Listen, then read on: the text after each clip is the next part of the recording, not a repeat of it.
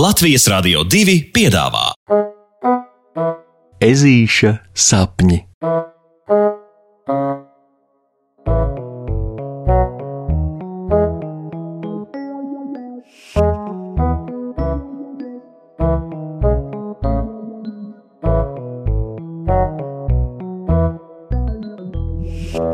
Ezītis izglābi pasauli.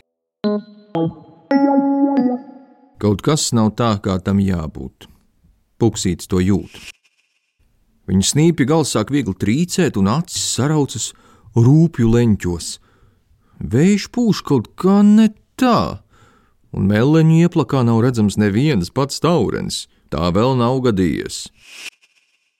Kad puksīti pārņem bažas, ādatas uz viņas kausta mēdz saslieties stāvus gaisā. Tas nenozīmē, ka ežulis kādam grasītos dūrtu, nē. Viņam pašam tā vienkārši ir drošāk. Bet šoreiz pat asā gatavībā esošās adatas neievieš puksītī mieru. Nu, kāpēc te ir tik kluss? Kāpēc nevar dzirdēt putnu spārnu vēdas, vāveru sačukstēšanos un kurmju rosīšanos zem zemes? Labi. Buksītis skaita līdz desmit, kā mācīs tētis, tad izpūš strauji satraukuma pilno gaisu un klusiņām sauc kuku. Klusums? Nu, neviens neatsaucas. Kājeles puksītim jau viegli notirpst, jo arī tā vēl nekad nav gadījies. Kā viņš vispār te viens pats attapies? Puksītis saņem drosmi un iet. Viņš dodas uz māja pusi, kur būs vismaz viņa istaba un visas svarīgās lietas. Mama, tētis, zīļu virtenes, futbola bumba, plastelīns un, un kas tik vēl ne. Gājiens nav garš, bet klusums puksīti ved ārā no pacietības. Zemežuļa kājielēm pat nekrakšķ ne zariņš un nenoča pat zāle, kas te notiek. Un tad puksītis ierauga, kas te notiek. Viņš taču ir iesprūdis vienā īsti lielā murgā. Ezīša ģimenes mājiņas vietā slēdzas bezgala augsts un plats atkritumu kalns. Visur, kur skaties, tur grūži, visa kā atliekas, vecs divritenis un sarūsējušas buļbuļsaktas, kaudze ar glancētiem žurnāliem, matu gumijām, konfekšu papīriņiem un pat caurām zeķītēm. Puksītis gribēja šausmām kliegt, kurš apracis manu māju, bet nemaz netiek tik tālu, jo negaidīti zeme zem ežuļa kājām sāk trīcēt, zvāroties, līdz viņš pamana, ka tā plaisā, jā, Tieši tā kā filmās rāda, tā lūst uz pusēm, un pa zemes šķirbām ārā sāk šļākties spilgti rozā limonāde. Palīgā!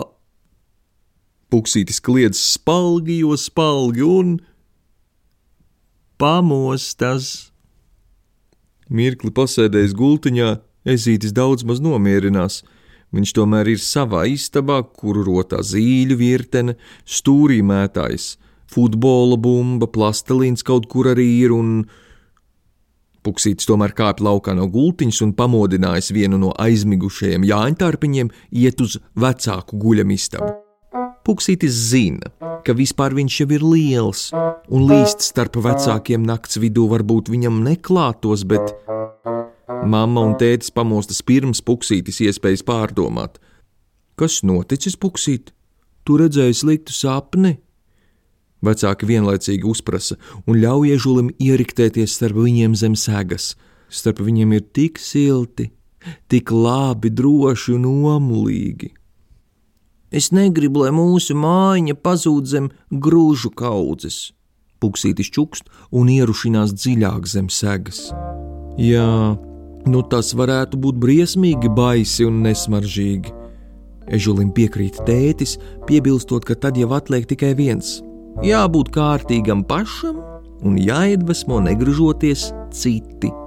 Mama tikai piekrītoši noņurd, un puksītis jau dzird, kā abi vecāki šņāc savas ierastās miega dvašas, ļaudami puksītim apdomāt, ko viņš tikko dzirdējis. Tagad puksītis zina, kas jādara. Ezītis pagriežas uz saviem ērtajiem sāniem, aizver actiņas, un ko līdz nonācis atpakaļ sapņu valstībā, tā joņo, ko kājas nes uz savu istabu, kuru vispirms tas dikti rūpīgi sakārto, un tad no plastelīna uztaisa milzīgu krāsainu ruporu, pa kuru tas visā mežā sauc: Esi tik jauks un negružo mežu draugs! Balss pāršalts visu meleņu ieleju un noteikti aizskan līdz otrai pusē lielā ceļa, jo no malu malām puksītim atbild tūkstošbalsīgs koris: Labi, labi, labi! Un ezītis miegā smaida. No rīta pamodies vēlreiz un pamanījis, ka mamma ar tēti jau modušies pirms viņa. Puksītis izlec no vecāku gultas un pirms paguvis aizskriet brokastīs, viņš gultiņu rūpīgi sakārto. Šodien būs laba un ražīga diena. Šodien Puksītis visus iedvesmos negrušot. Re, reizēm arī nelāgie sapņi var mums kaut ko labu iemācīt. Pasakas beigas.